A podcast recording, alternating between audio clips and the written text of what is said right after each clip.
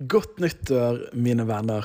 Du, det er et nytt år, det er nye muligheter. Det er virkelig en klisjé av en formulering, men det er faktisk sant. Hva skal du bruke dette året til? Da har jeg lyst til å spille inn til deg. Kanskje det året for å ta noen nye steg når det kommer til å tilegne seg ny kunnskap, slik at du kan tjene dine medmennesker enda bedre. Rett og slett slipe øksen noe mer. HLT, Høgskolen for ledelse og teologi, tilbyr mange enkeltemner som lett lar seg kombinere med annet arbeid og tjeneste. Eller hvis du har vært leder eller pastor en stund, og du trenger rett og slett bare litt frist input for videre inspirasjon, hva med å sjekke ut deres ulike videreutdanninger? F.eks. et årsstudium som heter Teologi og menighetsledelse, så du kan ta online over to år. Uansett, det er mange spennende muligheter der, og jeg har lyst til å anbefale deg på det varmeste å ta en titt på deres nettside, holdt.no. Oh yeah! Velkommen til Liv og lederskap med meg, Daniel Sæbjørnsen. Utrolig kult at du tapper inn og lytter. Podkasten der alt handler om å inspirere til sterke liv og store lederskap i Jesus etterfølgelse. Så gjør deg klar til å lytte og lære, så du kan leve og lede enda bedre. Ja, ja, ja. Da er vi på her. Du, dette her er jo riktig gildt. Det må jeg jo bare si med en gang. Dette her er stor stas. Ikke sant, mor? Dette her er gøy, Daniel. Dette her har vi gleda oss til. Ja, dette her. Dette her er bare helt nydelig. Du, da kunne jo vi fortsatt dette intervjuet her på eh, Sunnfjording. Eh, det hadde jo vært skikkelig kjekt å kunne gjort det. Eh, jeg skal ikke gjøre det med hensyn til alle de som lytter inn, hvis de syns det er forvirrende. Men når du og meg kommer i lag, da går det fort over på Sunnfjording. Eh, hvis ikke du har forstått det til nå, så er dette her en litt annerledes liv- og lederskap-episode. Eh, det kommer jo ut som den første, eh, torsdagen eh, i januar 2024. Eh, så det, på den måten er det normalt. Men eh, det er en ekstraordinær gjest, og jeg må si at dette er nok den gjesten jeg har hatt med Eh, som har eh, påvirket meg mest i løpet av livet mitt og influert meg mest, nemlig min egen mor. Så dette mamma Jeg pleier ikke å si mor bare når jeg beskriver det, men mamma sier jeg i det affektive, nære ordet mamma. Mm. Hjertelig velkommen med på Liv og lederskap. Tusen takk. Det er veldig kjekt, Daniel. Nå har jo du tryglet i snart fire år om å få være med Nei, bare tuller. Det har du faktisk ikke. Eh, men jeg har tenkt siden jeg startet podkasten at jeg har veldig lyst til å ha deg med. Eh, og nå sitter vi her, mm, og det er stas, altså. Det er gøy. Det er gøy. Vi har masse å prate om, så dette kan bli en gøy podkast. Det pleier jo ikke å være vanskelig å snakke til vanlig, Nei.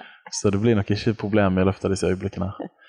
eh, så det er nydelig. Du, jeg, det er så mange ord man kunne eh, Det er så mange ting man kunne sette ord på, og det er så mange perspektiver man kunne løftet fram her.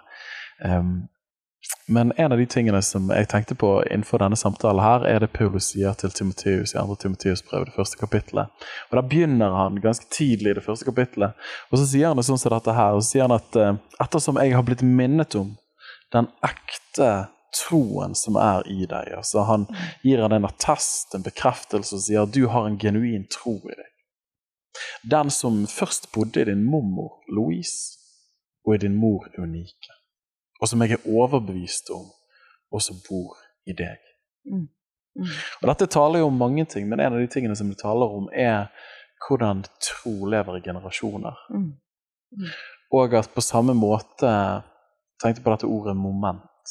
Moment, Nå fant jeg en sånn fin eh, definisjon på nettet, her, jeg skal ikke prøve å lese den på engelsk, men det handler om masse og fart. Og jo mer fart denne massen får, jo tyngre blir han. Så jeg husker jeg hørte en gang noen sa at slipper du ned en liten klinkekule fra Eiffeltårnet, så er det livsfarlig å stå nede de 300 meterne, hva det er. For da treffer han plutselig med mangfoldige kilo. Fordi at han øker for hver meter han, han eh, faller i luften. På samme vis er det da i møte med troen i generasjoner. At det som en generasjon hadde, var oppriktig Jesus-etterfølgelse, kan hvis det blir forvaltet riktig, generere moment til neste generasjon. Mm. Og nå, i all ydmykhet, så ønsker jeg å sitte her og si at jeg, jeg har vært utrolig takknemlig de siste årene og privilegert for at jeg har fått lov til å stå i mange spennende ting, både som pastor, men òg som en, en lang eh, landsreisende forkynner, men òg mm. få lov til å gi ut bøker. Nå sa jeg flertall, men én bok, men det er flere bøker som jobbes med. Podcaster med millioner av nedlastninger. Det har vært utrolig utrolig spennende å få lov til å se sterkeste er jo alle de som tar en for å følge Jesus, mennesker som blir helbredet. Det har skjedd masse. Mm. Og det er bare Guds nåde. Første Korinterne 15.10. Ved Guds nåde er jeg det jeg er. Eh, men det er òg et faktum at den jeg er, eh, er et produkt av de som har influert meg. Og i den henseende så er det ingen som har påvirket meg mer formativt enn det du har, mamma. Og jeg vet, når vi er her i dag, eh, så vet jeg at din tro, som har vært den ekte troen, som har vært en ekte, genuin tro, vet jeg òg var i din mor. Mm. Som vi helt sikkert kommer til å snakke mer om. Som jeg gjerne vet var i din Altså mormor må det bli, da. Mm. Eh, besta, Annabelle, mm. eh, som er igjen min oldemor. Mm. Og vet at hun hadde en genuin tro, et bønneliv, mm. som vi mest sannsynlig kan spore enda lenger tilbake igjen. Mm. Så jeg, det jeg har fått lov til å stå i, jeg, jeg, er så vel bevisst på at det er bare ved Guds nåde først og fremst, men så er det òg pga. at jeg har fått jeg ta imot en ekte tro som har blitt forvaltet rett gjennom mange generasjoner. Og For det så kan jeg ikke uttrykke min takknemlighet nok. Mm. Eh, og jeg er jo uhelbredelig glad i deg, mamma. Du er helt fantastisk. Og tårene har allerede trillet før vi trykte på record her, så dette tror jeg kan bli en spesiell samtale. Eh, og eh, hedre de som hedres skal. Eh, og hvis det er en som skal hedres for mange av de tingene jeg får lov til å stå i, så er det først og fremst Jesus Kristus, men så er det ikke minst deg, mamma. Mm. Min kone Helene betyr ubeskrivelig mye, men òg deg, mamma. Dere er de to viktigste kvinnene i mitt liv. Så dette, Nå var det en litt sånn sterk emosjonell innledning her. Eh, men bare for å løfte opp at uh, dette er en ære for meg å få lov til å sitte her og snakke med deg. Tusen takk. Så nå skal ikke jeg uh, ha ordet for lenge, men vi trenger å bli kjent med deg. det er nok en del som følger meg, som har sett noen storyer, som har gjerne hørt meg referere til deg. Jeg tar meg sjøl i at ca. annenhver preken preker, så refererer jeg til deg. Forteller en historie, et eller annet skjellsettende som du sa en gang. Um, osv. Så, videre. så dette, du er med meg rundt land og strand, og det er sikkert mange som har hørt referanser til deg. Og eh, eh jeg har fått folk som kommer bort til meg og sier at eh, hun moren din høres helt fantastisk ut. Hun må være helt nydelig. Og det er jo helt korrekt, men i dag er anledningen til å få lov til å bli bedre kjent med deg. All right! Du, mamma, nå er vi det er herrens år 2024. Vi er i begynnelsen av det. Men eh, hvilke årstall ble du født? Jeg er født i 1963 på Førde aldersheim. Førde aldersheim? Ja. På den tiden så var fødestova på gamleheimen. Det var på gamlehjemmet. Ja. Men da var det i sentrum av Førde? da? Ja. Hvor snakker vi i sentrum? Nå er vi litt på lokalgeografien her. Ja. Eh, vet du hva, den gamle stova der, den var nedlagt når ja. jeg eh, vokste opp, så jeg veit ikke helt hvor hen i sentrum var. Du ble født i Førde sentrum? Ja, Førde sentrum, på Gamlestova. 1963. Ja, i 1963. Mm. Og så er jeg oppvokst i Haukedalen.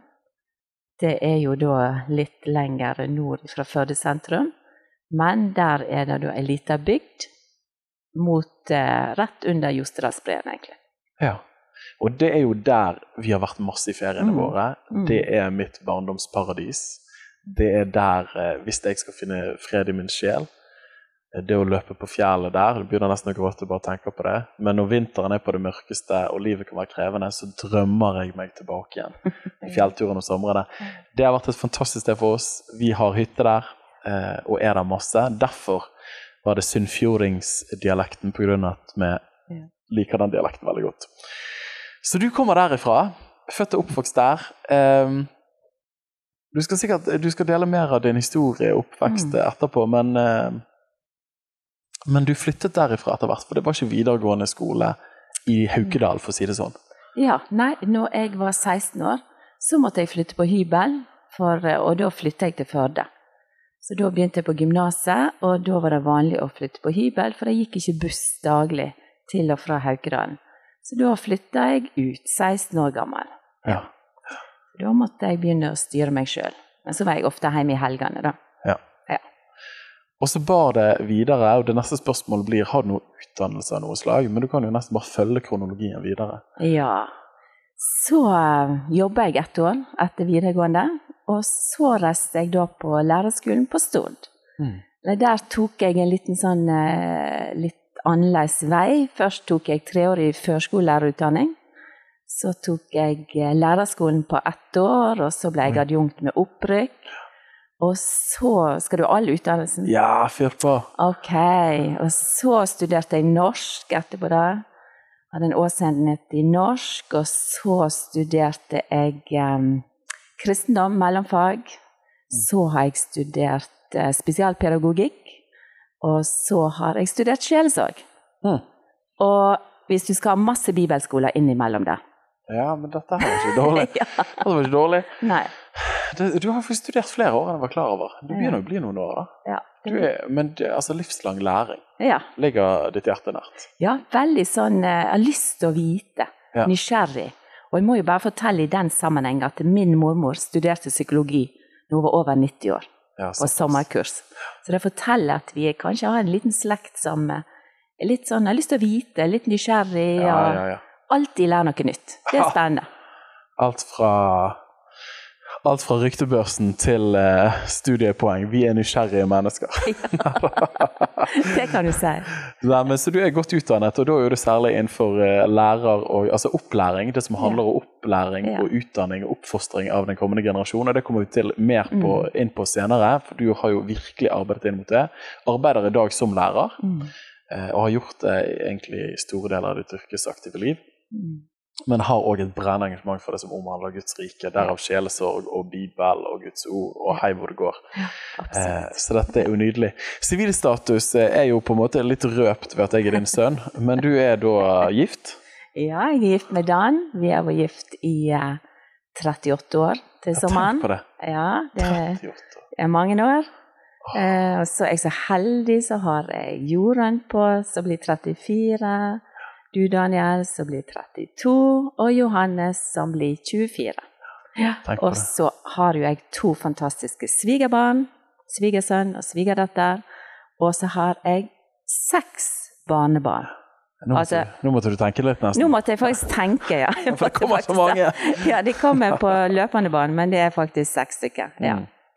Ja, men Nydelig, altså. Da er jo det, det har jo ikke vi skrevet i notatene, her, men eh, hvis jeg bare slenger inn et spørsmål Gift i 38 år. ja. Snart? Eller har dere vært gift? Nei, eh, 12. juli. Da Ja, så er det 38 år. Ja. Um, hva er da liksom det første som kommer til deg, når du, hvis det er ett ekteskapstips du skal gi videre til lytterne? Det er åpenhet, trofasthet og å um, ære hverandre. Mm. Prøv å skryte av hverandre, faktisk. Det tror jeg er et godt tips. Åpenhet, trofasthet og ære og hedre hverandre. ja. Respekt. Mm. Nå ga du fire ting. Ja, okay. Klarte ikke å dy deg. Nei. Sånn er det. Du, det er nydelig. si. Ja. Eh, og hvis vi skal ha et litt sånn artig spørsmål for å bli kjent med deg, det er jo av og til sånn vrient å komme på de, men eh, jeg tenkte på hva vil du si er i hvert fall et av de fineste minnene fra ditt liv? Eh, da tenker jeg faktisk Og jeg du det er et veldig enkelt minne, men det var liksom somrene hjemme, når vi kunne gå og plukke blåbær, og, og være ute i skogen, og så kanskje vi kunne gå på tur. De tingene der, det er sånne gode minner. Søndagstur med mamma og pappa, det var fint. Det, som regel kunne vi gjerne kjøre bil på søndagstur, som var det i gamle dager. Og òg sånne gode barndomsminner at eh, hver søndag så kom Ja. ofte familien innom på besøk til oss, eller vi reiste på besøk til dem. Altså det var liksom en sånn forventning til helgen. Mm. Det var veldig stor forskjell da jeg vokste opp, på helg og hverdag. Mm. Det var stor kontrast. Vi holdt alltid helg. Det er litt sånn å tenke tilbake på. Mm. Spennende. Så der kunne vi forsvunnet inn eh, en gate Mm. bare og snakke om livsrytmer. Ja? Og her har jo vi mistet det litt i vår generasjon, ved at alt flyter litt i hverandre. ja, helt Jeg sant. må jo si til og med som pastortilværelsen, så blir fort alt bare en Mm. sånn hellig kaos. da. Ja. Men pga. at dine foreldre var bønder, Mm. så ble du òg tvunget inn i en litt sånn fast syklus av ting. ja. Det var veldig klare. Søndag var hviledag. Ja, Så da skulle ikke man arbeide. Da arbeidet en ikke, da måtte du bare gjøre det som du måtte. Hadde du dyr, måtte du stelle deg. Ja. Ellers gjorde du aldri ting ute og sånn. Da var det hviledag og gudstjenestedag. Søndagen, da hørte du på gudstjeneste på radio. Hvis du ikke var på gudstjeneste, for i ei lita bygd så hadde du ikke gudstjeneste hver søndag. Nei. Så da var det alltid gudstjeneste i, i, på radioen, og da var det stille i stua. Da satt til og med pappa som jobba hardt hver dag. Da lå han på sofaen og hørte på gudstjenesten hver søndag. Ikke vi var på gudstjeneste i kirka. Det er sterkt, altså. Mm. Det er sterkt. Tenk hvordan det formet hele befolkningen. Mm, mm, Selv om min bestefar og din far mm. var jo ikke den mest uttalte, Nei. aktive personlige kristne. Nei. Men det var bare Eller han var jo en kristen, Ja. men han var ikke, han var ikke sånn shabadabadus og deg og meg. Nei, nei. Eh, men, eh, men likevel, det var bare en del av dannelsen. Ja. At man hørte på gudstjeneste og gikk til gudstjeneste, Ja, ja. og søndag var kirkedag Ja. og hviledag. Ja. Evangeliet ble jo forkynt, så det fikk det inn hele tiden. Så de hadde jo, Ja. de, det var jo en frelsende tro, det var alltid Ja. en bibel. Ja, alltid. Eh, Mm. fascinerende. Mm. Hva, hva gjorde ikke det med befolkning Mm. når man levde kollektivt innenfor Mm. disse nasjonale Mm. dannelsesrytmene? Jeg tenker også som barn, sant? da var du gjerne du lekte på gulvet, Ja. og du fikk med deg masse. Altså, jeg tror vi var sånn som lytta masse. Vi fikk med oss mye, både gjennom sånn radio og gudstjeneste, sånne ting. Men også når folk snakket, så hørte du disse her kristne, det kristne budskapet. Du, du hørte um, kristen livsstil, Mm. sant? Så du fikk med deg så masse. ja, det er sterkt, altså. Mm. Oh. Så noen av de beste mener er altså somrene, Mm. og ikke minst søndagene, Mm. med hvilepuls i en forholdsvis travel bondehverdag, Ja. Eh, og da møtte familie. Fantastisk vakkert. Mm. Du, denne podkasten her heter jo Liv og lederskap, og vi har lyst til å bli kjent med livet eh, før gjerne lederskapet. Og min grunnleggende filosofi når det kommer til lederskap, er at lederskap flyter fra livet. Mm. Du vil ikke ha et stort lederskap hvis ikke du har et sterkt liv. Et stort lederskap flyter fra et Mm. sterkt liv. Både i etterfølgelsen av Jesus, men òg at man mestrer livet i helhet. da. Og mamma, din fortelling, din oppvekst, er ikke helt A4. Og din veit vei til bevisst Jesus-etterfølgelse Nå sa jeg det at bestefar eh, var, var en fantastisk mann på mange Mm. områder. Jeg hadde gleden av på hans uh, siste år, kanskje de siste fem-ti årene, å gå ganske nært med han og fikk en veldig fin relasjon til han. Mm. Han var en klassisk vestlandsbonde Mm. med bratte fjellsider Mm. og jobber fra han var seks år gammel. Eh, og det å snakke om det indre følelseslandskapet var nok ikke det man ble opplært til eh, på barneskolen, for å si det sånn. da. Så han hadde en, en, en tro, Ja. eh, men så klart, eh, det var ikke bare bare å vokse opp i en vestlandsgrend. Mm. Så kan du fortelle litt om oppveksten din, eh, men òg hvordan du kom til å tro på Mm. Jesus Kristus. Mm. Ja, altså det som du sier, at det er jo typisk sånn vestlandsoppvokst. Altså det var, det var arbeid fra vi var små, og hadde vi en gard, så var jo vi barn, vi var jo på en måte arbeidskraft fra vi Gratis, vi kunne. Ja, vi var gratis arbeidskraft fra vi eh, kunne å gå. Eh, og vi hjelpte til ute, og hadde vi mindre søsken, så var vi barnevakt for dem fra vi var fire-fem år. Da eh, tok vi oss av mindre søsken, det var vårt ansvar. Så jeg lærte jo veldig tidlig å jobbe og ta ansvar. Veldig tidlig. Eh, og jeg møtte Jesus på en leir da jeg var tolv år gammel. Eh, da ble jeg sendt på en leir. Mamma På Teigen. På Teigen. Det må vi få med lokalgeografi Ja, her. der har du vært. Ja, hvor er Teigen hen? Ja. Det blir vel i Nordfjord, blir det det? Nei, det er Sunnfjord. Er det Sunnfjord? Det er Sunnfjord. Ja. Det er mot Florø. Ja. Eikefjorden. Eikefjorden uti der. Tar du ned der, ja. Ja. Så jeg må jo bare en parentes. Jeg var invitert i fjor sommer til å tale på en leir der. ja. Og da takket jeg primært ja. Ja. På grunn av at jeg vet at det var der du besluttet å ta Ja. imot Jesus når du var tolv år gammel. Så det var veldig sterkt å komme der. Det er Nordmisjon sitt Ja. leirsted. Et av deres lærested i. Sogn og Fjordane. Ja, ja og det, det var veldig spesielt. For tolv år gammel så blir du utfordra av en leder på leiren til å rett og slett gå fram og bekjenne at du vil ta imot Jesus. Mm. Og jeg hadde jo sikkert aldri tenkt på at jeg ikke hadde tatt imot Jesus, men du fikk den konkrete utfordringen, Ja. og det skjedde noe på innsida. Det husker jeg veldig. Det skjedde noe. Jeg tok et valg eh, som forma meg, og som var med meg. Og var med meg resten av livet. Mm. Um, og spesielt når jeg kom hjem igjen fra den leiren, så merka alle rundt meg at det her hadde det skjedd noe. ja, det var en beslutning som var blitt Ja. tatt. Ja. Det var det. Uh, og, og ja, jeg begynte å drive søndagsskole, og min søster og venninne, og ja, og lage Da begynte jeg med en gang å bli litt sånn kreativ. Jeg begynte å lage søndagsskolebøker til deg, og ja, opplegg til søndagsskolen. Så det ligger nok en liten sånn åre i meg å lage og organisere og, Og, og, så klarte jeg da å få dem på søndagsskolen litt motvillig.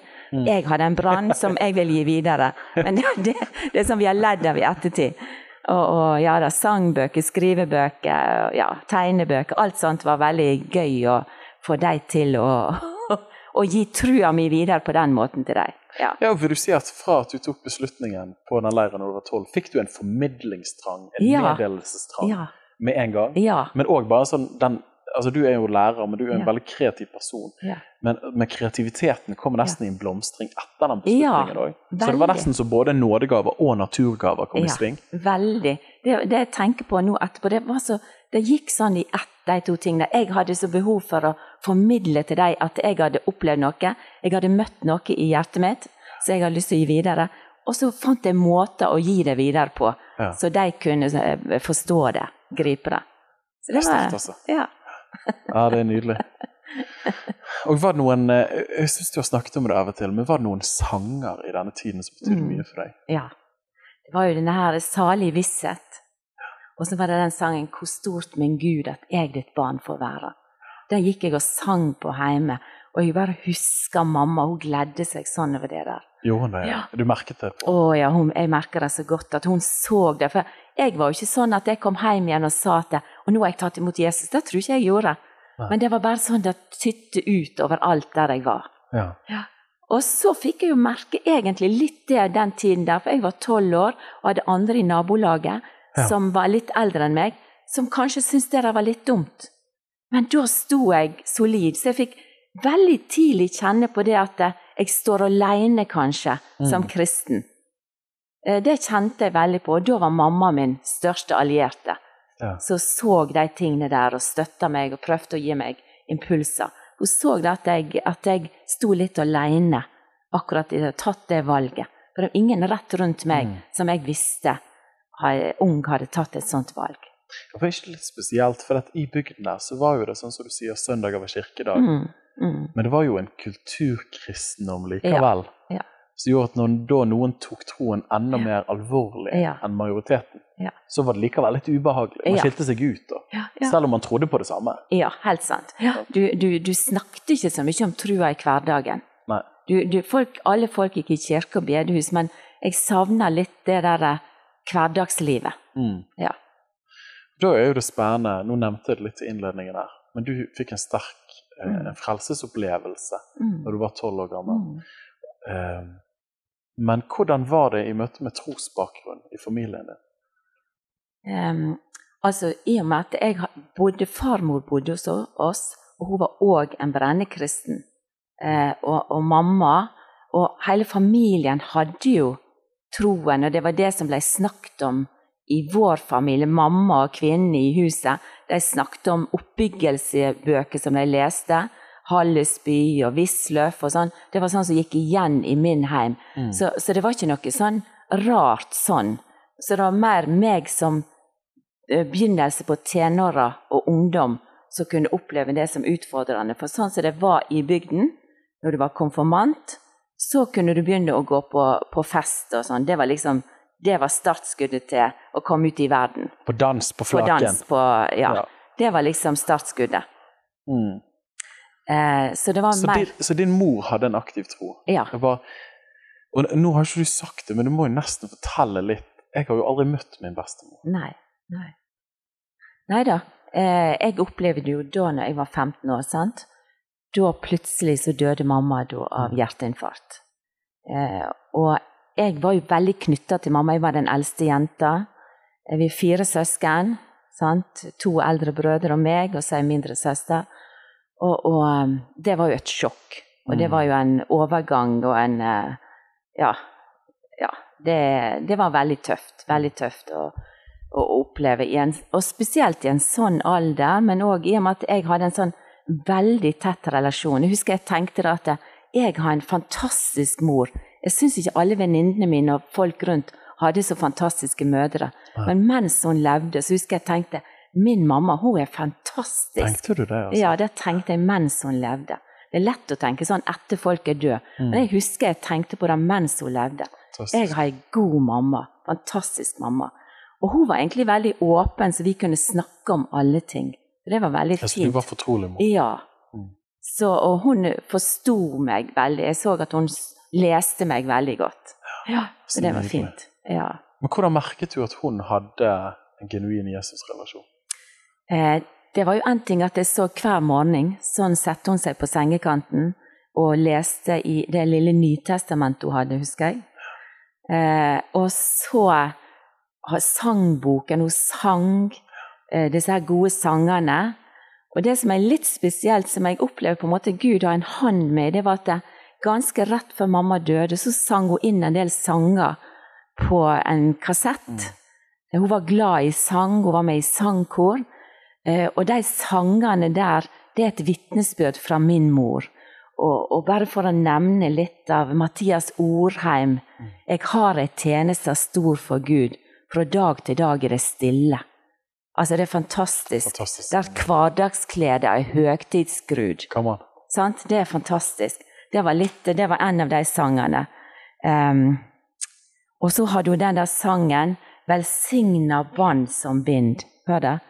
Guds folk i saman her, i same kjærleik, same sinn, som i Guds himmel er.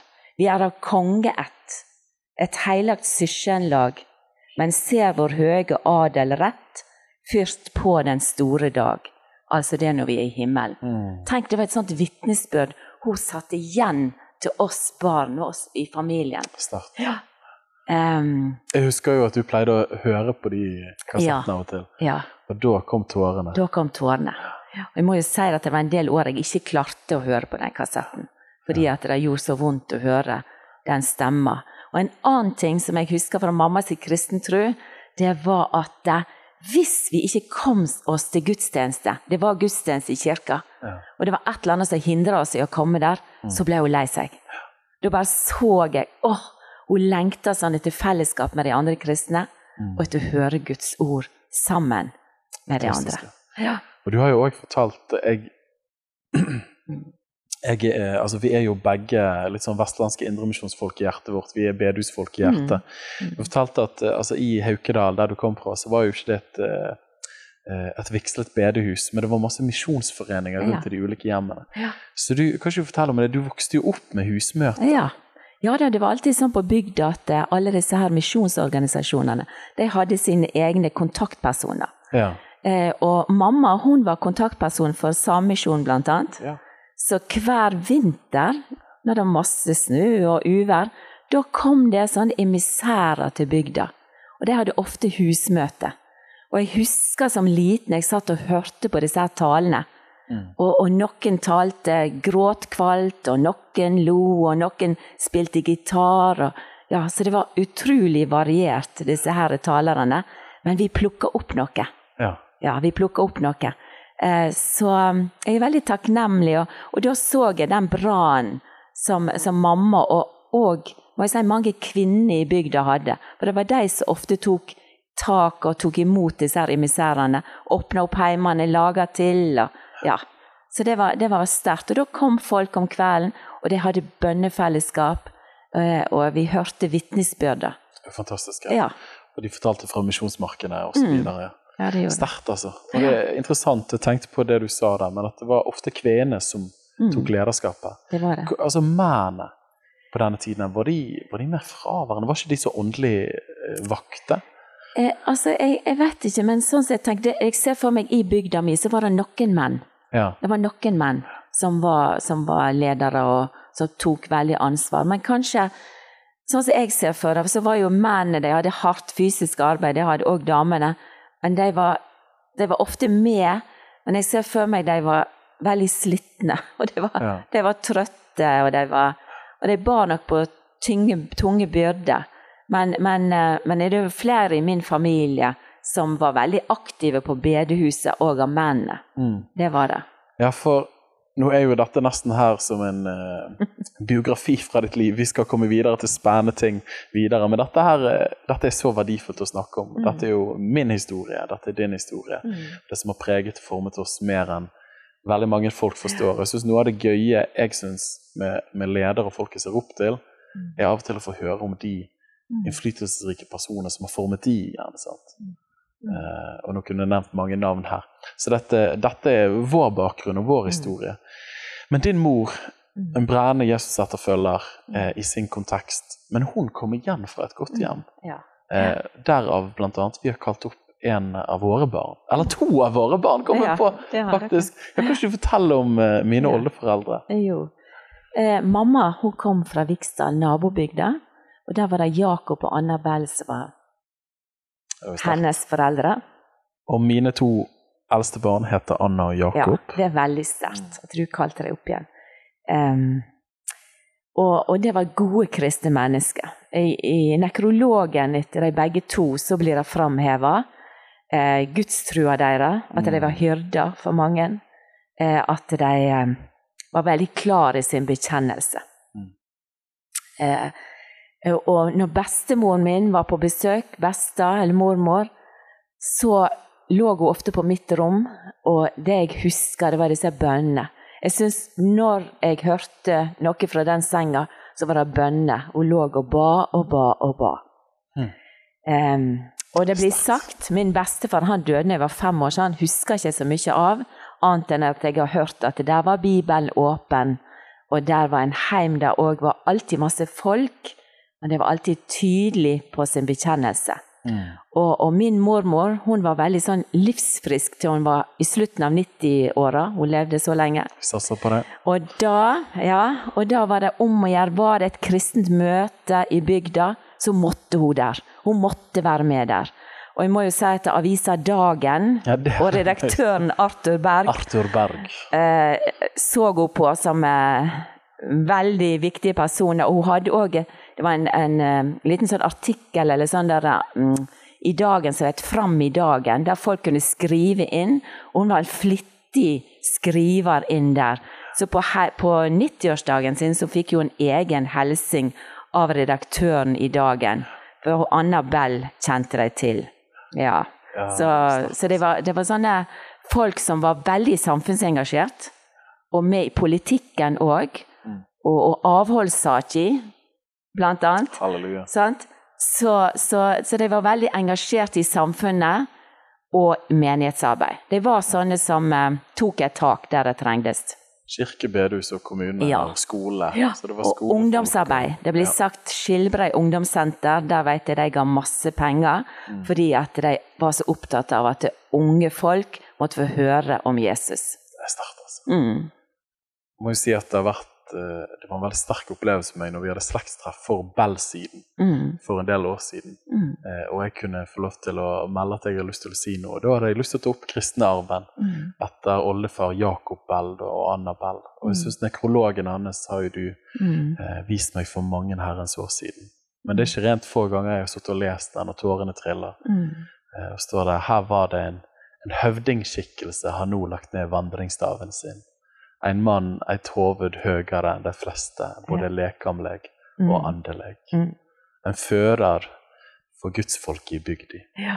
Eh, og så står det òg at han mintes ofte vekkinga som for over dal i 1922, ja. når han sto som leder for det kristne ungdomsarbeidet. Og var med pådriver for å reise det som i dag er Viksdal bedehus, mm. tilhørende IMF. Da. Ja, det er sant. Men jeg, det har vært så sterkt for meg. Eh, og lese om det. Og mm. egentlig sånn som begynte, da. Den ekte troen som først var. Mm. Hvordan man ser det går i slekter. Ja. Og du har jo sitert til meg ofte. Mm. Jeg vet ikke om du har det fra de, men det er vel en salme at, eh, at Guds ord Det er vår federarv, til born i skal det ganga. Ja. Det står òg i den første boka mi. Ja. Mm. Jeg vet, ikke, jeg vet, ikke, om det står i noen av nekrologene deres. Jo, de så på Guds ord som den beste arv. Ja, det står. Det står det vel, ja. ja. Så det Åh. Og det må jeg bare si at hun beste eh, Hver gang hun sa ha det til oss Hun hadde 22 mm. barnebarn, hvis ikke jeg husker helt feil. Hun dro egentlig, når hun var enke, så dro hun på rundt Ja. Hun hadde seks barn, og Kanskje er det 23 barnebarn. Ja. ja. I hvert fall så reiste hun rundt og besøkte barna sine. Og alltid når hun sa ha det til disse her voksne etter hvert, voksne barnebarna som studerte rundt omkring i Norge, så sa hun nå må dere huske på det viktigste. Det var det hun sa. Og da visste alle hva betyr det. Det betyr husk på Jesus. Amen. Hm. Ja. Og jeg bare kjenner at det er sånn som, eh, som har fulgt meg um, Så i dag kan jeg gi det videre til mine. Mm. Det er mye som er viktig, og det visste hun, men det er noe som er viktigst av alt. Og ja. Og derav eh, Mm. vi barn òg har fått den hilsningen opp gjennom årene. Husk på det viktigste. Mm. Det er jo en referanse til, eh, til Lukas 10, 42. Der Jesus sier til Maria at, eh, til Martha Ja. Han sier du er urolig for Ja. mange ting. Men Maria har valgt den gode del som ikke skal bli tatt fra henne. Ja. Det er mye som er viktig, men det er én ting Mm. som er viktigst. ja. Det er den gode sant. del. Ja. Halleluja. Halleluja. Husk på det viktigste. Halleluja. Du er fantastisk. Takk for at du deler så åpenhjertig fra din oppvekst. Eh, Mm. Jeg kjenner meg så rik. Jeg vet at dette er jo Mm. Dette er jo min arv. Mm. Dette er jo den jeg er. Ja, det er det. Og som har preget mer, mer enn en Mm. alt annet. Mm. Jeg syns det er sterkt å kjenne til sin historie. Det står i Mm. ordspråken at den gode etterlater en arv til sine barn. Ja. Og jeg opplever at jeg har fått en rik arv, en åndelig arv, Mm. fra mine besteforeldre, Mm. fra mine foreldre. Mm.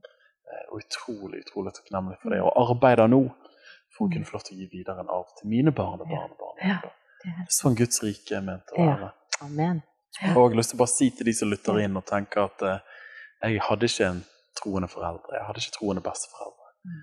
Men da er jo det fantastiske ordet at du kan få lov til å starte en arv i dag. ja, en ny begynnelse. En ny begynnelse. Mm. Og det som er fantastisk, er jo at eh, det viktigste blodet som flyter gjennom dine årer, er at du er koblet på Jesu blod. Ja. Og der har du den beste arven. Amen. Fullkommen arv. Eh, Så det er fantastisk. Jeg må jo si, sant, Nå skal vi snart bevege oss videre på noen av livets lærdommer og lederskapslærdommene i ditt liv. Mm. Men jeg hadde, jeg, husker, jeg vet ikke om du husker det, men jeg hadde et bilde Mm. eh, på sosiale medier for en hel del år siden. Men der jeg sa at eh, det viktigste mamma har lært meg, det er at du må elske Jesus. Eh, eller det var, det var litt så morsomt. Det jeg sitter igjen med etter mamma, det er du må elske Jesus. Ja. Avholdssakti. Eh, nynorsk. Eh, velsigne Israel. Og forbli trofast i ditt ekteskap og gi penger til misjon. Et eller annet sånt. Eh, det var jo så morsomt å tulle med det. Men i dag blir jo gjerne ord som pietist, Mm. Mm. vestlandspietist, mørkemann, i Mm. del sammenhenger brukt som Mm. skjellsord. Mm. Men der er jo du og meg like. At det er nok eh, noe med oss eh, Så kombinasjon av den vestlandske sinnet og holdningen, men òg kristendom. Det går sammen på en veldig vakker måte. Ja. Og der må jeg si at jeg er veldig takknemlig for den arven som jeg har fått på at vi var opptatt av samfunnsspørsmål òg. Mm. Altså de kristne skulle inn i samfunnet. Altså I vår heim så var politikk Mange av mine tanter var aktive politikere, så du tok kristentroen inn i samfunnet. Ja. Så du var sånne pådrivere. Så derfor var det mye latter og samtale og diskusjon. Det var vanlig i min heim, og når, når familien kom sammen. Det er nydelig. For kristentroen var en, en integrert del av hele livet. Og det er så bra, det der. Ja. Altså. Det er kjempebra. Så dette å bli kalt en vestlandpietist og Ja. mørkemann, Ja. det er jo en hedersbetegnelse. Ja. Jeg, jeg eier det med stolthet. Og at, er du en sånn avholdsmann, Daniel? Og gjett om jeg er avholdsmann. Ja. Altså, jeg, har, jeg pleier jo å si at jeg blir arveløs hvis jeg begynner å drikke, men eh, det er ikke langt unna. For, eh, for det ligger i slekten vår. Ja? Og vi kan ikke si at så sier Herrens ord, men det er godt for mennesket eh, å leve avholdende. Så halleluja. Jesus pluss Vestlandet, det er fantastisk. Jeg har jo På kontoret mitt så er det et norgeskart som henger, og så har jeg skrevet inn på norgeskartet over Vestlandet. Vestlandsvekkelse. Amen. Så dette, vi har fått det inn. Ja, det skal Eh, skje. Vi tror at det er et spesielt mandat på dette, denne delen av landet vårt. All right! For de som er andre steder i Norge som tenker at dette blir mye Vestlandet, kom og se for deg selv. Eh, det kan komme noe godt fra Vestlandet. Virkelig. Men du, vi hopper litt grann videre. En av de tingene som jeg virkelig har beundret med deg, mamma, Mm. er at du har hatt en brennende relasjon til Jesus. Mm. Ikke bare når du var 12 år, ikke bare når du var 15, 16, 25, 30, men du har hatt en vedvarende lidenskap for Mm. Jesus Kristus. Og som din eh, bester pleide å si til deg, husk på det viktigste, eh, så må jeg si at det har du virkelig gjort. Det har Mm. ikke vært noen hemmelighet, det har ikke vært noen tvil om at Jesus er herre i livet ditt. Mm. Og eh, sikkert av og til til det kleine iblant i familiebesøk, eh, der vi alltid må ha et lite ord Mm. eh, før vi begynner. Vi må be noen bønner, selv om det oppleves litt eh, Mm. Vi andre er i skjødet mens du er i åren. Idet vi skal se en film eller et eller annet, så sier nei, dette her går bare ikke. Eh, sant? Så det, du har alltid hatt Jesus på plass, og jeg er så utrolig takknemlig for det. Jeg gikk ikke i barnehage. Mm. Eh, noen mener at det, har gjort meg eh, rar. Jeg mener det har gjort meg spesiell. Mm.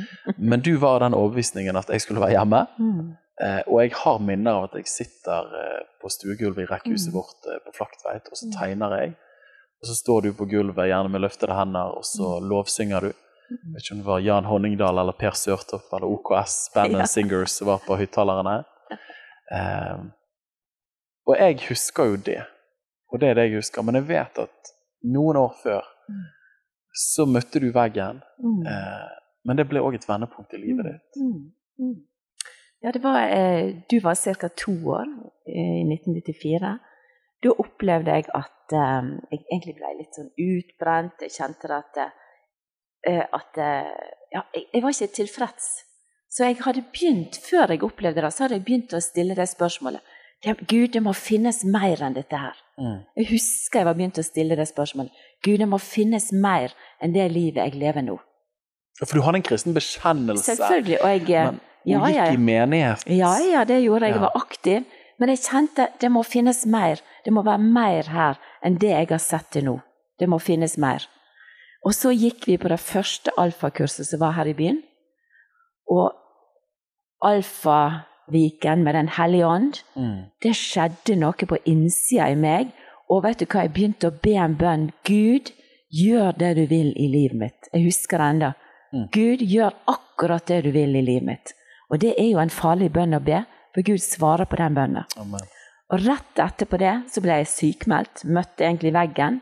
Men det som var spesielt i den tiden der, det var at akkurat da så var det en kveld Gud, Guds nærvær kom så sterkt til meg. Jeg kan ikke fortelle om det? Lå du på soverommet? Jeg lå på soverommet, så kom Guds nærvær så sterkt, og så hørte jeg Guds stemme som sa, Bodil, jeg tar deg til sides en stund nå for å bygge deg opp. Og da var du på dette tidspunktet var du sykmeldt? Da var jeg sykmeldt. Du var sikkert langt nede? Ja, da var jeg deprimert og tenkte Gud, hva, hva skjer nå, liksom? Ja. For jeg var nok en sånn som jobben, jeg ville gjøre en god jobb og ja, Flink pike? ja jeg var flink pike. Det har jeg alltid vært, liksom. Flink pike, jeg skulle gjøre så godt jeg kunne og vel så det. Ja. Og der på mitt eget soverom, der møtte Gud meg så sterkt. Plutselig så begynte jeg å be den bønna Gud, ta kontrollen i livet mitt. Og så kom det en enorm fred i hjertet Wow. mitt. Og når du er sykmeldt, så er ikke det akkurat det du har nok av, fred, men bare Guds nærvær kom på mitt soverom. Og jeg begynte å synge lovsanger. Jeg husker vinduet sto åpent, og jeg brydde meg katten om noen i nabolaget hørte det. For jeg tilba Jesus. Jeg hadde møtt Jesus Kristus. Wow. Og jeg husker jeg tenkte det. Er Gud så virkelig? For jeg bare kjente, jeg, jeg kan aldri bli den samme. Og så sa Den hellige ånd til meg, slå opp og les om Den hellige ånds utgytelse på pinsedag. Mm. Og der lå jeg på mitt eget soverom, slo opp i apostelgjerningene og leste om åndsutgytelsen. Og det var det som skjedde med meg. Og i ettertid så er jeg så utrolig glad for at det var ingen mennesker der. Det var jeg og Gud, og det bare skjedde. Og jeg husker jeg kom ned til Dan, mannen min, og sa at eh, vet du hva? Jesus har kommet fra hodet og til hjertet. Plutselig Wow. fikk jeg smake og se at Gud var god på en helt annen måte enn jeg hadde gjort før. Mm. Så det var en åndsutgytelse. Og du ble fylt av Den hellige ånd? Ble fylt av Den hellige ånd. Ja. Og da fikk du tungetale? Da Senere den kvelden så inviterte jeg en eh, dame i menigheten hjem til meg, og da fikk jeg tungetale. Ja. Eh, så fra den dagen så ble jeg aldri den samme. Mm. Og det ga meg en sånn hunger etter å lese Guds ord, etter lovsang, etter bønn, etter kristent fellesskap. Altså, jeg fikk en sånn hunger på innsiden etter mer. Jeg hadde smakt noe, og jeg ville ha tak i mer. Mm. Og den hungeren har aldri sluppet meg. Det møtet der forandra mitt liv, Wow. eh, og um, skapte en sånn ah, jeg veit at jeg veit at jeg veit at Gud finnes, og at han har så mye for oss. Det er sterkt, altså. Ja. Det er sterkt. Så det, du hadde jo vært en oppriktig Ja, disippel før, ja men da var det opplevelsen av å bli fylt av Den hellige ånd. Ja, ja. Dette er jo litt artig, sant? Ut fra et litt sånn eh, Mm. eh, teologisk perspektiv. Så har du vokst opp i sånn bedehus, Mm. eh, misjonsorganisasjonskristendom. Mm. Og så kommer på en måte den pinsekarismatiske bevegelsen. Ja. Og så får du det beste fra begge verdener. Yes. Dette var jo òg den tiden i 94 Mm. eh, som gjerne ble kalt Toronto-velsignelsen. Ja, Eh, og av og til så kan jeg være i samtale med folk som sier ja, men det der har ikke jeg tro på, osv. Mm. Eller det der er jeg skeptisk til. Og så Mm. sier jeg vet du hva, Mm.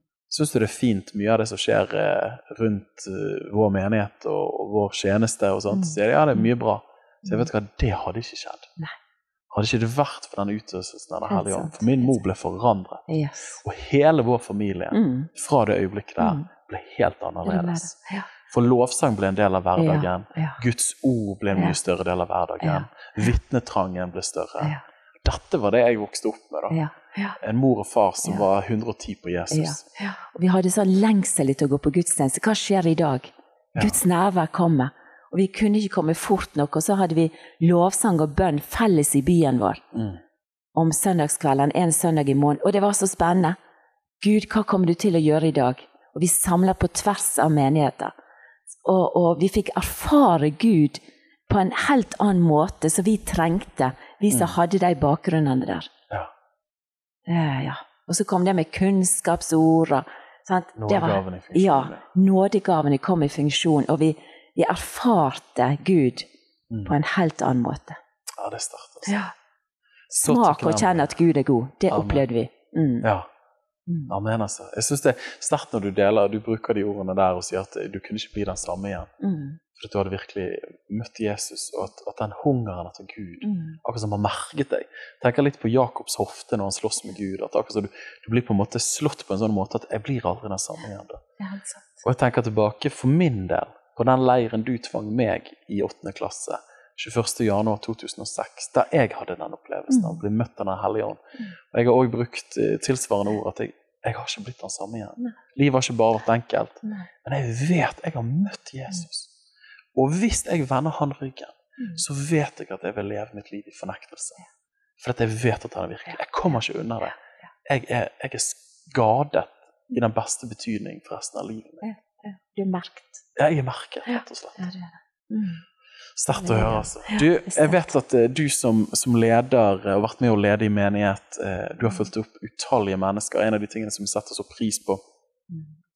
med dette hjemmet, er at det ikke rent sjeldent i oppveksten eh, så ble vi, barna vist ut av stuen, og døren ble lukket igjen fordi du fikk besøk av, av yngre kvinner Mm. som trengte sjelesorg veiledning, og gjerne forbønn for ting som de Mm. eh, hang fast i. Mm. Og har sett at du har modellert en aktiv veiledningshyrdetjeneste for mennesker. Du har tatt initiativ til du utrolig initiativrik, har ledet masse ulike prosjekter, både alt fra Lovsang Åsane til et mentornettverk av unge kvinner, til, til trosopplæringsgrupper. Mm. Eh, Du har gjort så mye artig opp gjennom eh, din tjeneste. Mm. Og jeg vet at du deler sorgen Mm. som jeg deler, nemlig om at det er mange mennesker vi har fulgt på ulike deler av deres livsreiser, Mm. Som en gang var aktivt med, som brant, som ledet, som gikk foran.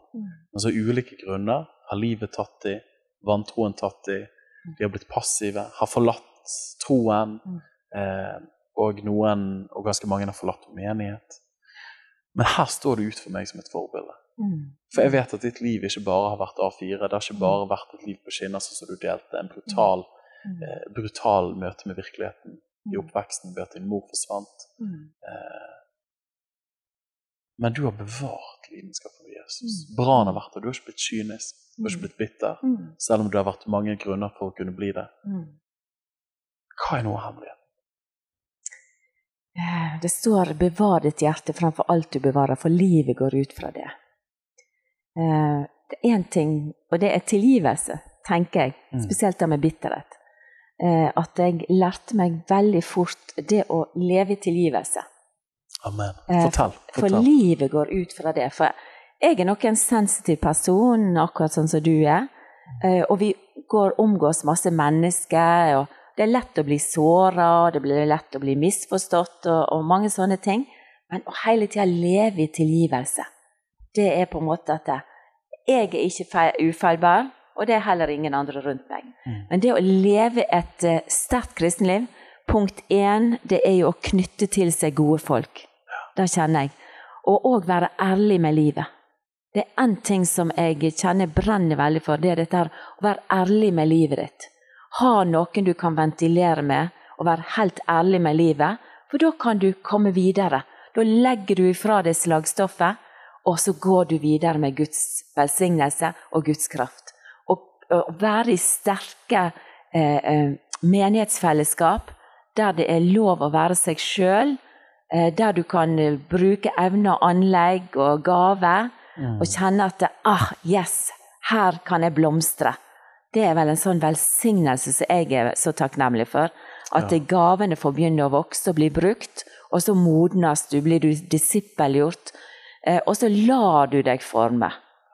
Um, så det, er, det, tror jeg er nøkkelen. Så er det selvfølgelig dette her som jeg alltid tenker at det, det, du gjør når ingen ser deg, det er den du er.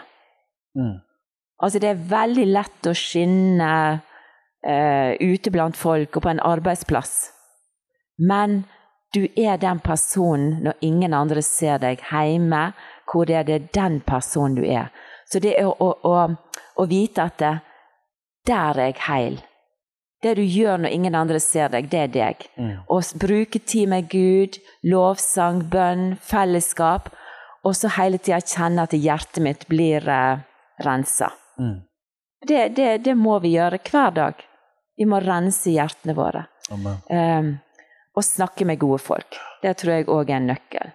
For ha medvandrere som går med deg.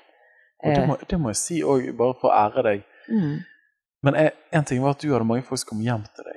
Men jeg husker òg at du pleide å si at nå må jeg dra og snakke med henne. Ja, ja. Nå for nå trenger jeg noen å snakke med. Mm, mm. Så jeg husker òg vokste opp med at du ja. Veldig den bevisstheten at du var en leder og influerte mange. Mm. Men du òg trengte noen. Altså Pastoren trenger òg sin pastor. Legen trenger òg sin lege. Så det er jeg veldig glad for du modellerte, for det har igjen blitt en rollemodell for min del. At jeg du er veldig flink til det. På, sant, med noen ukers mellomrom. Mm. Jeg, eh, mm. jeg, og Håvard møttes jo i alle år annenhver mm. uke. Mm. Nå er det sjette hver uke. Ja. Sånn bare møtes, og så har jeg hatt flere ulike eh, på ulike områder i livet. Men det har jeg sett at du gjorde. Ja, så du etterlot et eksempel for oss. Ja. Så tenker du kan bare gi videre det du sjøl har. Og når jeg da drev med sjelesorg, mye som var mitt hjerte For jeg lengta jo etter mange ting i livet mitt, og det som jeg sjøl har lengta etter, har jeg gitt videre til andre. Sånn er det mm. ofte. Men så visste jeg at jeg må jo passe på at jeg er heil, ta vare på mitt sjelsliv, mitt åndsliv. At det blir tatt vare på, for at jeg ikke eh, gir videre feile ting. Det er kjempeviktig. Eh, og det å leve et sterkt kristenliv jeg er veldig opptatt av ånd, sjel og kropp. Mm. Vi er hele mennesker. Så alle de tre bitene har vi ansvar for å ta vare på. Og det er modenhet å ta ansvar for alle de delene. Det er ikke bare ånd, det er ikke bare sjel og ikke bare kropp, men vi er et helhet. Mm. Så det er viktig for å være sunn og frisk som en kristen leder og som kristen. Vi er forbilder for andre òg der. Her var det mye mat. Tusen, mm. tusen takk. Mm. Tilgivelse. Mm. What a good word, altså. Mm. Det er nemlig sånn at det tilgir ikke vi. Det opplevde jeg faktisk min bestemor sa. Hun gikk stadig og sa 'tilgir ikke jeg, så får ikke jeg tilgivelse'. Mm. Det er det er bibelsk. Virkelig. Vi får tilgivelse, og vi gir det videre. Det kan jo høres brutalt ut, men det er jo ja. Fader vår. Ja, det er faktisk det. Mm. Mm, det er det. sant. Mm. Åh, nydelig. Du, jeg har lyst til å skifte giret litt grann, eh, til tro i hjemmet. Eh, du, mamma, du er en forfatter. Jeg har bare gitt ut én bok. Du kommer snart ut med din tredje bok nå. Veldig spennende. Eh, og de alle bærer tittel 'Lær dem'. Ja. og det syns jeg er gøy. Og nå forstår jo folk etter å ha hørt litt fra din fortelling og dine hjertesaker, sånn at du er utdannet lærer, mm. men dine naturgaver går veldig i tråd med dine nådegaver, som er å formidle mm. eh, og det å dele troen videre. Og jeg må jo si en parentes. Når jeg kom ut med boken min i oktober eh, i forfjor, er det vel, i 22, mm. eh, Og den heter jo 'Hva er greia med en moderne katekisme'. Da ble jo det så morsomt for meg. Og jeg må jo si, Det var litt sånn uvitenhet underveis. Men det jeg holdt på med, var jo at jeg, jeg skulle lære neste generasjon de grunnleggende sannhetene i den kristne troen. Mm. Og så måtte jeg bare begynne å le når jeg kom på at hva er det dine bøker heter, og hva er det de omhandler. Det er jo barnebøker. Ja. Meg er jo litt eldre segment. Mm. Men det er jo akkurat samme. Mm. Akkurat samme intensjon og ånd. Ja? Så jeg, da måtte jeg bare smile og bare sånn Nei, jeg er så påvirket. Eh, men din, din kallsopplevelse er veldig tilsvarende min kallsopplevelse. Så vi deler de samme, samme, samme drømmene. Men, eh, men tro i hjemmet. Mm. Eh, hva er hjertet bak disse prosjektene her? Ja, det er jo det, Daniel, at uh, når jeg fikk barn sjøl, så tenkte jeg hvordan kan jeg gi videre noe som ikke går ut på dato? Mm. Og da visste jo jeg da at det er bare Guds ord. Det går ikke ut på dato. Og så i 5. Mosebok, kapittel 6 og vers eh, Ja, skal vi ta vers 6? Det og er det da Gud som taler til Moses. Han befaler Moses. Disse ordene som jeg pålegger deg i dag, skal du bevare i ditt hjerte. Du skal gjenta dem for dine barn og snakke om dem når du sitter i ditt hus, og når du går på veien, når du legger deg og når du står opp. Mm. Det er det som er drivkraften til lær dem. Lær dem, nummer én, bibelvers. Lær dem å takke, nummer to. Det er bok nummer to. Ja, og lær dem å be som øyeblikkelig kommer ut. Mm. Eh, det er, og det, blir, det er jødene sin trosbekjennelse, skjema, som de siterer i det jødiske hjem. Og det var det som slo ned i meg. Det er, jeg må lære mine barn, og jeg må snakke om det når jeg går på veien, når jeg er i mitt hus. Og derfor er det sånn at de bøkene som kom ut, de er bare sånn hjertelig at det neste generasjon må få høre noe som Himmel og jord skal få gå, men mine ord skal aldri få gå. De må få noe som er evigvarende. Amen. Og det er drivkraften bak de bøkene. Og vi kan ikke lære det tidlig nok.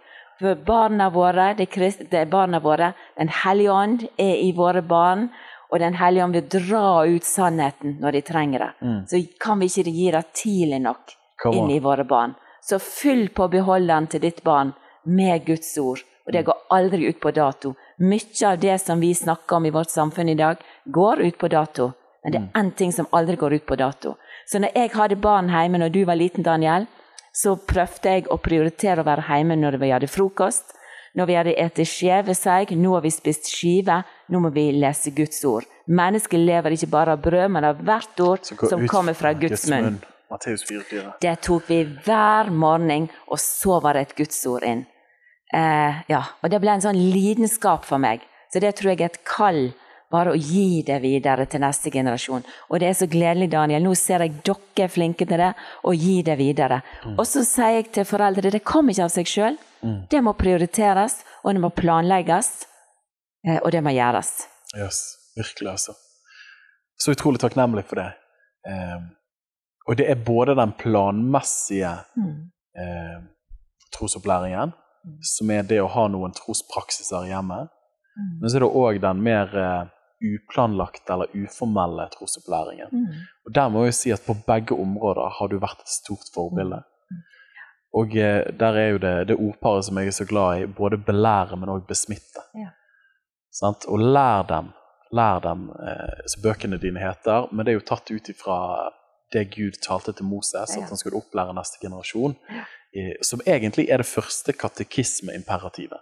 Og det kommer fra Gud selv. Ja. Så folk kan eh, le av Erik Pontoppidan og synes at det var veldig rart, men det er Gud sjøl som sier at dere har ansvar for å gi troen videre til neste generasjon. Det er sterkt, altså. Det er Så står det vel òg i, i begynnelsen, er det Dommernes bok, der det står at, eh, at når det begynte å vokse opp en slekt som ikke kjente til de gjerninger Gud hadde gjort gjennom Moses og Josfa og gjengen der, så begynte folk å vende Gud ryggen av at de hadde glemt Herrens velgjerninger. Mitt folk går til grunne fordi Mm. de ikke har kunnskap. Ikke sant? Mm. Så dette er sterkt. Så dette er både den planmessige, Mm. men òg den spontane trosopplæringen.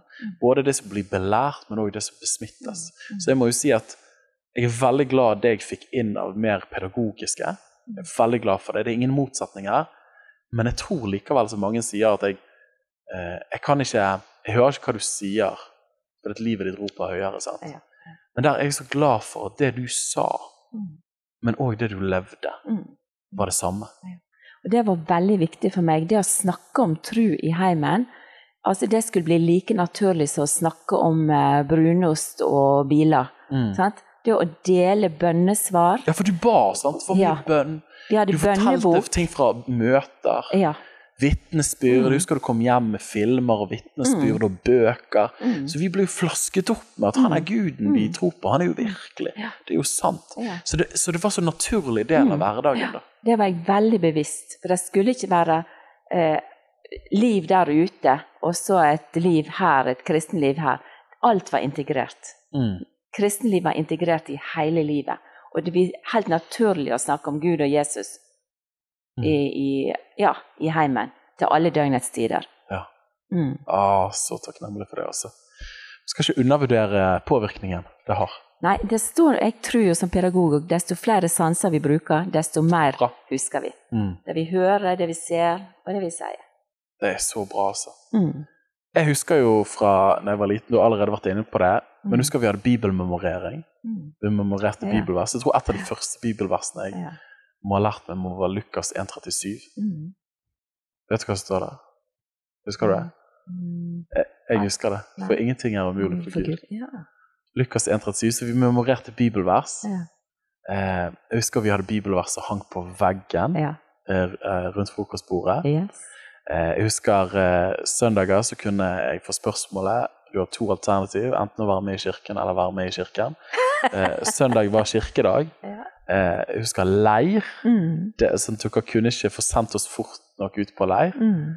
Det, men det var pga. det hadde betydd så mye for deg personlig. Ja, ja. Satt oss på leir. Kristen litteratur hadde Ja. jeg i fluss lenge Ja. før jeg hadde lyst på det. Mm. Bønn, vitnesbyrd, Mm. spennende gjester. Mm. Jeg har sånne erindringer av at du alltid har lyst til å dra på konferanse i Kristkirken. Ja. For det var så mye spennende som skjedde der. Ja. Og jeg syns det var utrolig kjedelig. Og jeg har minner av at jeg sitter på gulvet og leker med en bil, Ja. og så var det en eller annen amerikansk superstjerne på besøk. da. ja, det stemmer. Eh, men, men det var så mye Jesus hele veien. Da. Ja, ja.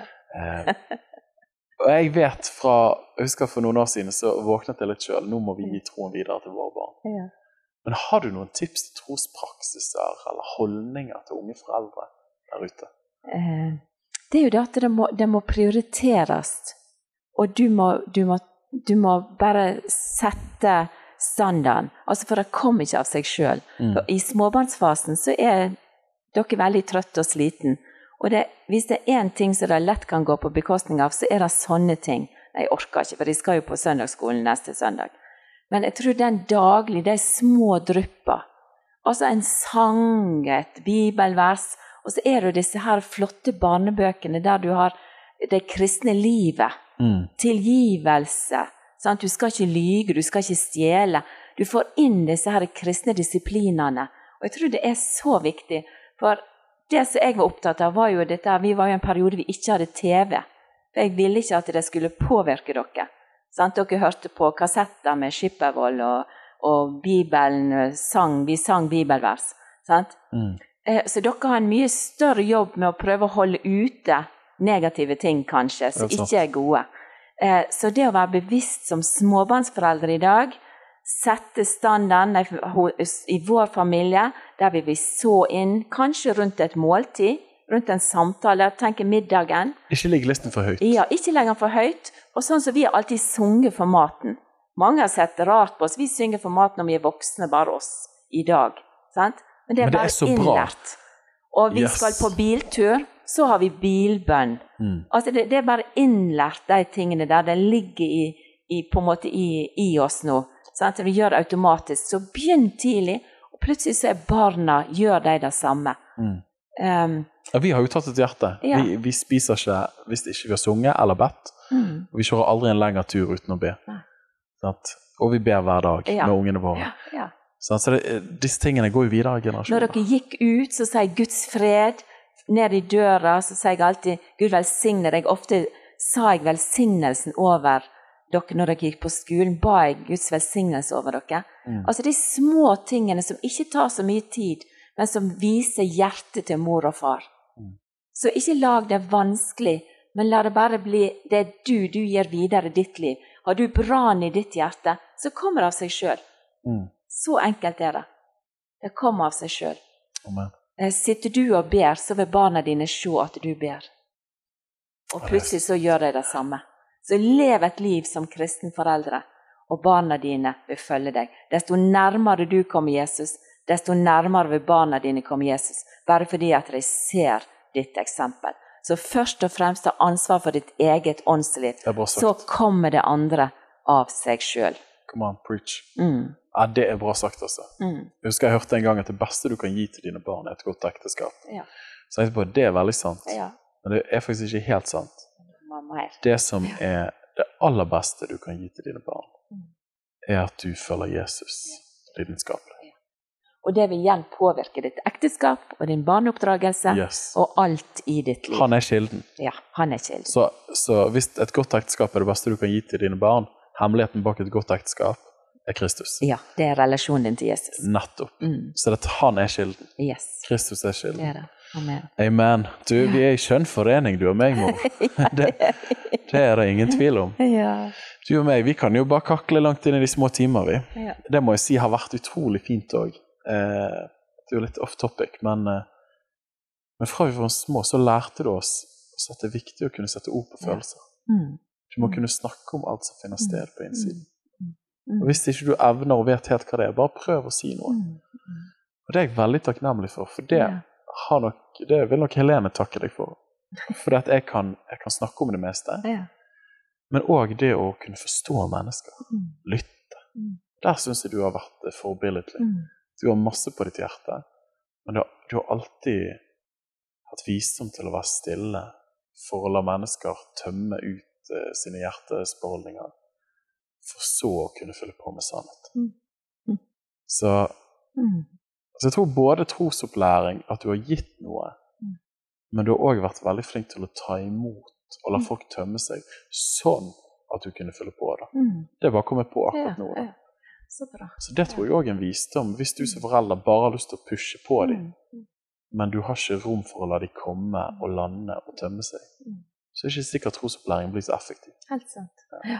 Ja, det er veldig viktig. Som barn så er du jo i en voksterfase. Det er masse som skjer i deg og rundt deg. Og det er superviktig at du kan få komme og dele frustrasjoner og sinne og frykt og hva det er. Og så er jo vi så heldige som har Guds ord, for Guds ord har faktisk medisin inn i alle ting. Amen. Og Det er det som er så fantastisk. Og du var jo veldig sånn når du kom inn i gangen hjemme, så kom det ut alt du hadde opplevd den dagen. Mm. Så du fikk det ut med en gang, og da er det så viktig at det, det er en voksen der. Og det kom akkurat da, når du kom inn døra. Veit du hva jeg har opplevd i dag? Og så fikk vi ta tak i det. Mm. Ja. Og Der hadde jo du en brannfakkel. Jeg husker jo da jeg var liten at du skrev til og med i Bergens Tidende ja. om at uh, mødre burde være mer hjemme ja. Ja. med barna. Ja. Kan ikke du bare deler litt av patosen rundt det? Det er litt sånn motkulturelt, men jeg tror det er så utrolig i tråd med visdommen i Guds ord. Ja, jeg tenker jo da at som mor så har jeg lyst til å gi det beste til barna mine.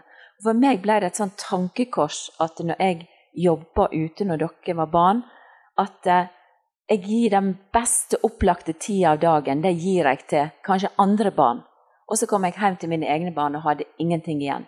Og så er det noen andre voksne som influerer oss mest ja. i de timene. Ja, og derfor var det liksom Nei, jeg vil påvirke mine egne barn. Så derfor gikk du aldri i barnehage. Fordi at jeg ville påvirke, og vi ville påvirke deg sjøl og barna våre. Um, så, så, jeg tror i dagens samfunn, som jeg sier, at det å tro i hjemmet er så viktig at eh, vi ikke er for sliten. Mm. At ikke vi er altfor trøtt. For da er ikke vi den beste utgaven av oss sjøl, og da gir ikke vi det beste videre. Du skal gi det beste videre til de nærmeste du har rundt deg. Mm. Og så er det jo sånn at når vi søker Gud eh, Den tida vi bruker med å søke Gud, den går aldri på bekostning med andre ting vi skal rekke. Du får påfyll, du er nett den beholderen du trenger påfyll som du kan gi til andre. Men uten at vi får den påfyllet, så har vi lite å gi hjemme, og vi har lite å gi ute. Men først og fremst sier jeg at heimen er en katedral du bygger. Det er en katedral. Og der ser de livet ditt. Og de vil modellere etter deg. Det er det dine barn vil huske. Det er den du var hjemme. Ikke den du var ute på plattformen eller i avisene. Det er mm. den de så hjemme. Vi har utrolig mange fortellinger om sånne ting som ikke har gått så bra. Sant. Ja. Sant. Så derfor er det å være obs på de tingene som småbarnsforeldre. Det er tøffe faser og sliten fase, men du har alltid nok. Mm. Hvis du passer på å fylle deg sjøl. Og være vis. Og da igjen ånd, sjel og kropp. Mm. Pass på at de tre delene de er i balanse, og de har det de trenger. Det er kjempeviktig. Så bra, så. Mm. Jeg syns det er bra det du sier der, for egentlig så handler det om å vinne der det er viktigst. Mm, det er det. Sånn at mange av oss bruker majoriteten av vår kapasitet på ting som egentlig vi ville rangert som sekundært og Mm. tertiært, og ikke som primært. Ja. Mm. Og det er ganske ironisk. Og så klart, jeg forstår at vi er en del av et samfunn, vi er en del av en samfunnsstruktur der vi trenger å bidra, vi trenger å betale våre Mm. skatter og osv. Jeg forstår det. Samtidig hadde vi levd litt rimeligere, og hadde ikke vi prøvd å følge alle de sekulære idealene som naboene våre har, som ikke følger Jesus, Mm. men levd i enkelhet, som er en kristen dyd, Mm. Så kunne nok vi frikjøpt mer tid Ja. ved at enkelte, enten far eller mor, det er ikke bare nødt til å være mor, Nei det, Nei. far eller mor kunne trådt ned i stilling Mm. for å være mer til stede hjemme. Ikke minst i de formative årene, Mm. der vi vet at de fleste tar imot Jesus, gjør det før de er 18 år. Ja. Og mange får gjerne Og mange tar de grunnleggende valgene gjerne før de er 12 år. igjen, sant? Mm. Så det, hvis vi vet at det viktigste perioden for unger er disse årene her, Mm. og sånn som du har sagt så mange ganger, det gikk så fort, disse barneårene. Mm. Nå er vi store, tipper 30 og i 20-årene, men det gikk så fort. Mm. Ja, Og det er ikke sånn at man angrer på Mange studier har jo snakket om dette, her, at det er veldig få folk som ligger på dødsleiet og sier kunne ønske jeg pushet flere timer på kontoret. Det er jo ingen. Nei. Men samtlige sier de to tingene jeg har hørt. Kunne ønske jeg brukte mer tid med familien min. De vant ikke der det var viktigst. Ja, ja. Og kunne ønske at jeg ikke lot frykt styre meg, Ja. at jeg var villig til å ta risiko. Mm. Så dette, jeg er så glad for at du prioriterte å jobbe redusert Mm. for å gi det beste til oss barna. Mm. Og det er noe som jeg og Helene har tatt videre òg. At vi ønsker å ha det sånn. Mm. Mm. Vi vil vinne der det er viktigst. Mm. Og jeg tenker litt sånn her, Jesus sier det, men hva hjelper det å vinne verden hvis du taper din sjel? Ja. Hvis du parafriserer det, hva hjelper det å vinne en deilig pensjonsordning, en leilighet i Spania, Mm. tre biler og fire hytter, Mm. Hvis dine barn ikke følger Jesus? Da er det helt tomt. Det er helt tomt. Det viktigste er vi kan gjøre, det er å få med oss vår familie. Få med oss de nærmeste rundt oss. Og det er jo det som er gleden vår. Å bygge der, først og fremst. Og så skal vi samtidig være rause og åpne opp heimene våre for andre mennesker og sånne ting. Men, men det er først og fremst Først og fremst så ble jeg betrodd tre barn. Mm. Og det er den første og viktigste skatten jeg fikk, ble betrodd. Det er mitt første ansvar. Og så kan jeg gå utenfor det, men det er det første. Mm. Så er du foreldre og hører på dette her, prioriter barna dine. Prioriter familien din. Vis at det er det viktigste. Mm. Faktisk. Vis det. Ikke bare ha fine festtaler. Mm. Det er det verste jeg vet. Fine begravelser og fine festtaler. Og da kommer de fine ordene. Men si ordene, og vis det i praksis. Det du har i dag. Vær takknemlig, og si det ut. Mm. Mm. Så bra, så bra. Åh, dette er gull, mamma. Så jeg føler vi får liksom destillert noe av eh, ypperste kvaliteten ved den du er på eh, disse eh, megabytene med opptak her. Du, eh, vi skal snart runde av. Men eh, både du og meg, vi er personlighetstyper eh, som jeg pleier å tulle med at jeg har en sterk forestillingsevne og et Mm. levende følelsesliv. Eh, og frykt har heller ikke vært et fremmedord pga. eh, denne kreative forestillingsevnen. Mm. Men i forbindelse med at din mor gikk bort når du var 15 år, Mm. og veldig lite hjelp som ble gitt, og ikke minst så var det kanskje det, Mm. den skrikende stillheten som var Mm. igjen der, og vakuum av en mor og en far som ikke hadde evne til å sette ord på det, Mm. som gjorde at du møtte livet ganske ubarmhjertig tidlig på, og hadde en yngre søster Mm. som var fem år yngre, som Mm. du ble i praksis eh, en litt ekstra mamma for. Mm. Eh, tante Unni, du som hører, du hører på akkurat nå, vi er veldig glad i deg, du er helt great. Mm. Eh, men livet har ikke alltid vært like lett. Mm. Og hva har vært noen av de fremste rikdommene og ressursene du har lært, sånn som feserne sier, for å bli stående etter å ha overfunnet alt? Mm. Det er jo egentlig litt vanskelig å si, men um, jeg tror at jeg er en kriger som Mm. ikke gir opp. Eh, og det er en ting som jeg faktisk gir til dere barn, det er at det, uansett hvor tøft livet er, så er det lys der framme. Så om det er vanskelig der du er nå, du Amen. som hører på, det er lys der framme. Gi aldri opp. Det er én ting som jeg har lyst til å si, for jeg, jeg har kjent på smerte, savn, enorme sånne følelsesmessig smerte der.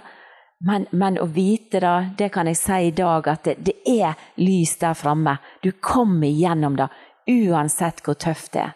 Og det jeg kanskje har lært gjennom årene, som jeg er blitt litt visere enn hva jeg var når jeg var 15 og 17, og, eh, det er at eh, når du kjenner på smerte, så, så gi Gud den smerten, og våg å stå i smerten. Det er kanskje det, det jeg har lært aller mest. Til å begynne med tror jeg jeg prøvde å flykte fra smerten inni deg. Men stå, stopp opp. Mm. Og stå i smerten. Våg å kjenne på smerten. For midt inne i smerten, midt i stormen, der er det fred. Mm. I sentrum kan du finne fred. Og når du gir den smerten til Jesus, så vil du til slutt komme gjennom. Og så En annen ting er jo det at jeg, jeg kobler deg på gode mennesker.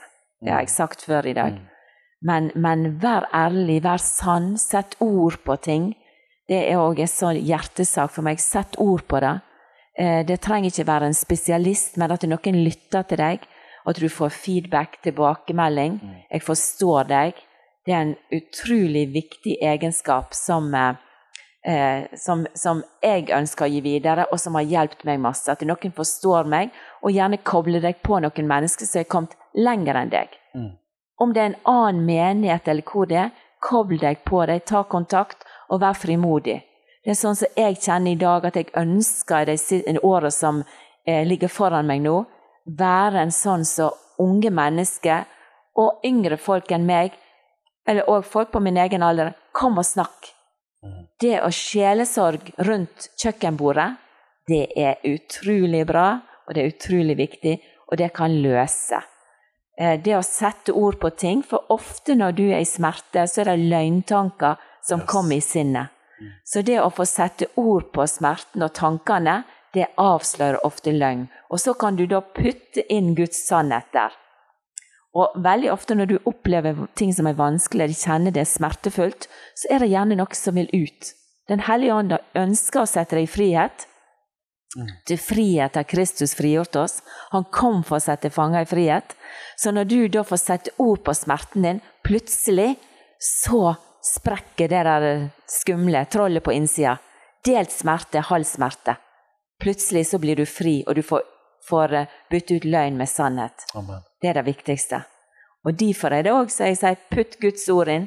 Og så må jeg jo si at jeg ofte gikk jeg rundt på stuegulvet mitt hjemme og leste salmene.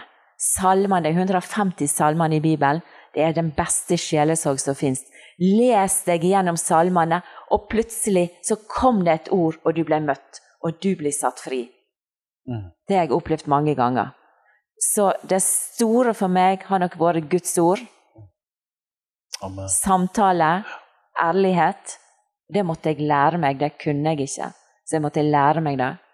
Eh, det har vært store. Og òg i smerte ikke flykt ifra smerten. Våg å være i smerten og kjenn på smerten. Du blir fri. Du blir Åh, fri. Dette var bra, altså. Dette var som å få en repeat av hele barndommen min. Mm. De ordene som du har delt. Finn løftene. Finn mm. løftene. Hva er det Guds ord sier ja. i denne situasjonen? Møte med denne smerten, møte med disse løgntankene. Mm. Jeg har jo vokst opp med det begrepet løgntanker. Må ta hver tanke til fange under lydighet mot Kristus.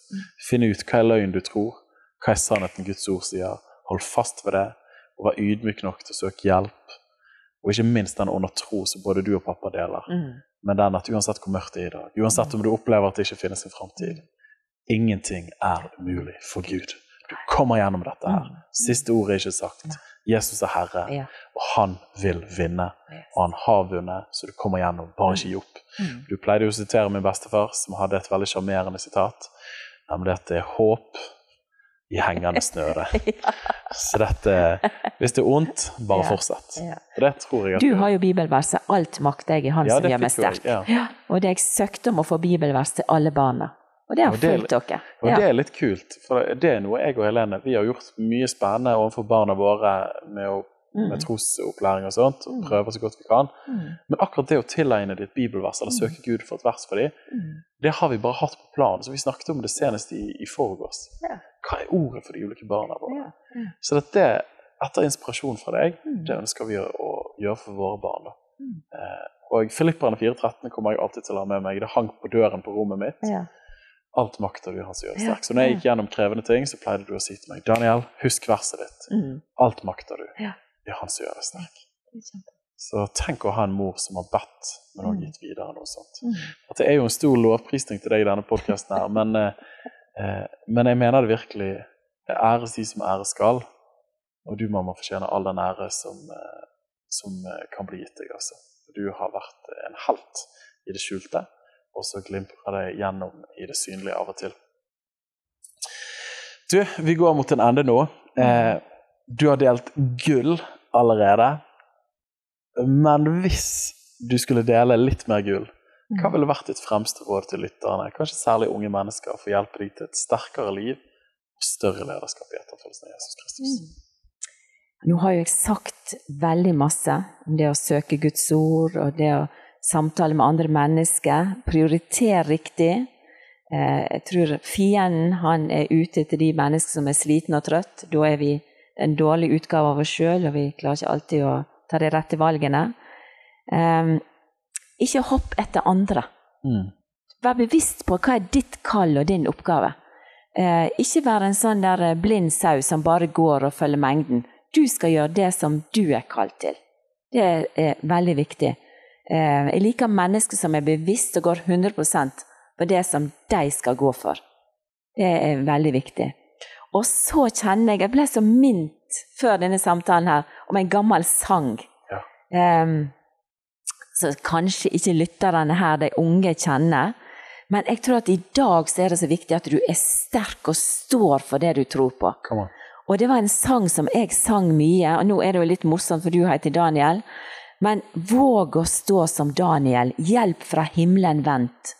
Fatt som han et hellig forsett, gjør det fritt bekjent. Altså, kringkast det du står for. Si det ut. Bruk munnen din. Bruk evnene dine, og si det ut. Vi trenger frimodige kristne som sier ut det de tror på. Og så står det videre. Sett deg for et hellig mål, åpent deg bekjenn, Stå i rekken fast som stål, og kjemp som Daniels menn. Dette her er jo i ildovnen og rundt den eh, historien der. Men våg å stå for det som er ditt kall, din utrustning. Søk Gud for det. Og vær en sånn vi, vi skal ikke være kopi av hverandre. Vi trenger alle typer mennesker, alle typer kristne i vårt land, som har evne og anlegg som er spesialdesigna for deg. Og det skal du bruke med frimodighet og stå opp.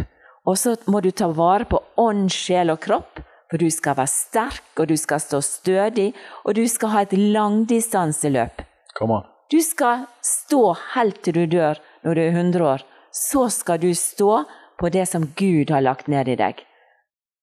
Så det tror jeg er det viktigste jeg har lyst til å, å, si til neste generasjon. Mm. Prioriter riktig, det er viktig å stå for det som Gud har befalt deg til. Og koble deg sterkt på et kristent fellesskap. Mm. Eh, vi klarer ikke å være med på alle ting. Prioriter riktig, og spesielt i småbarnsfasen. Prioriter riktig de tingene som er viktige for deg og familien, for at dere som familie òg skal stå fast. Mm. Amen, altså. Du, dette var gull. Eh, en metraljøse av gull, altså. Du, dette var veldig stort. Eh, utrolig gøy, mamma, eh, å kunne få lov til å gjøre den podkasten sammen. Vi skulle nesten starte en podkast i lag, du og meg. Jeg er med. Du er med. Du er med. Det står ikke på det. Eh, dette var utrolig fint. Jeg har allerede sagt det mange ganger, men jeg er veldig glad i deg. I like måte. Så glad i deg, og stolt av deg, Daniel. Takk for det. Mm. Da håper vi at disse ordene kan få lov til å bli til inspirasjon for veldig mange flere. Amen. Amen. Takk for at du lyttet inn til Liv og lederskap, og håper at du ble inspirert til å leve sterkere og lede større Jesus-etterfølgelse. Hvis denne episoden ga deg noe, del den veldig gjerne videre til en venn eller to, sånn at de kan bli inspirert. Og husk det ditt liv, ditt lederskap, betyr en forskjell, så ikke len deg tilbake, men len deg framover. Vi trenger deg.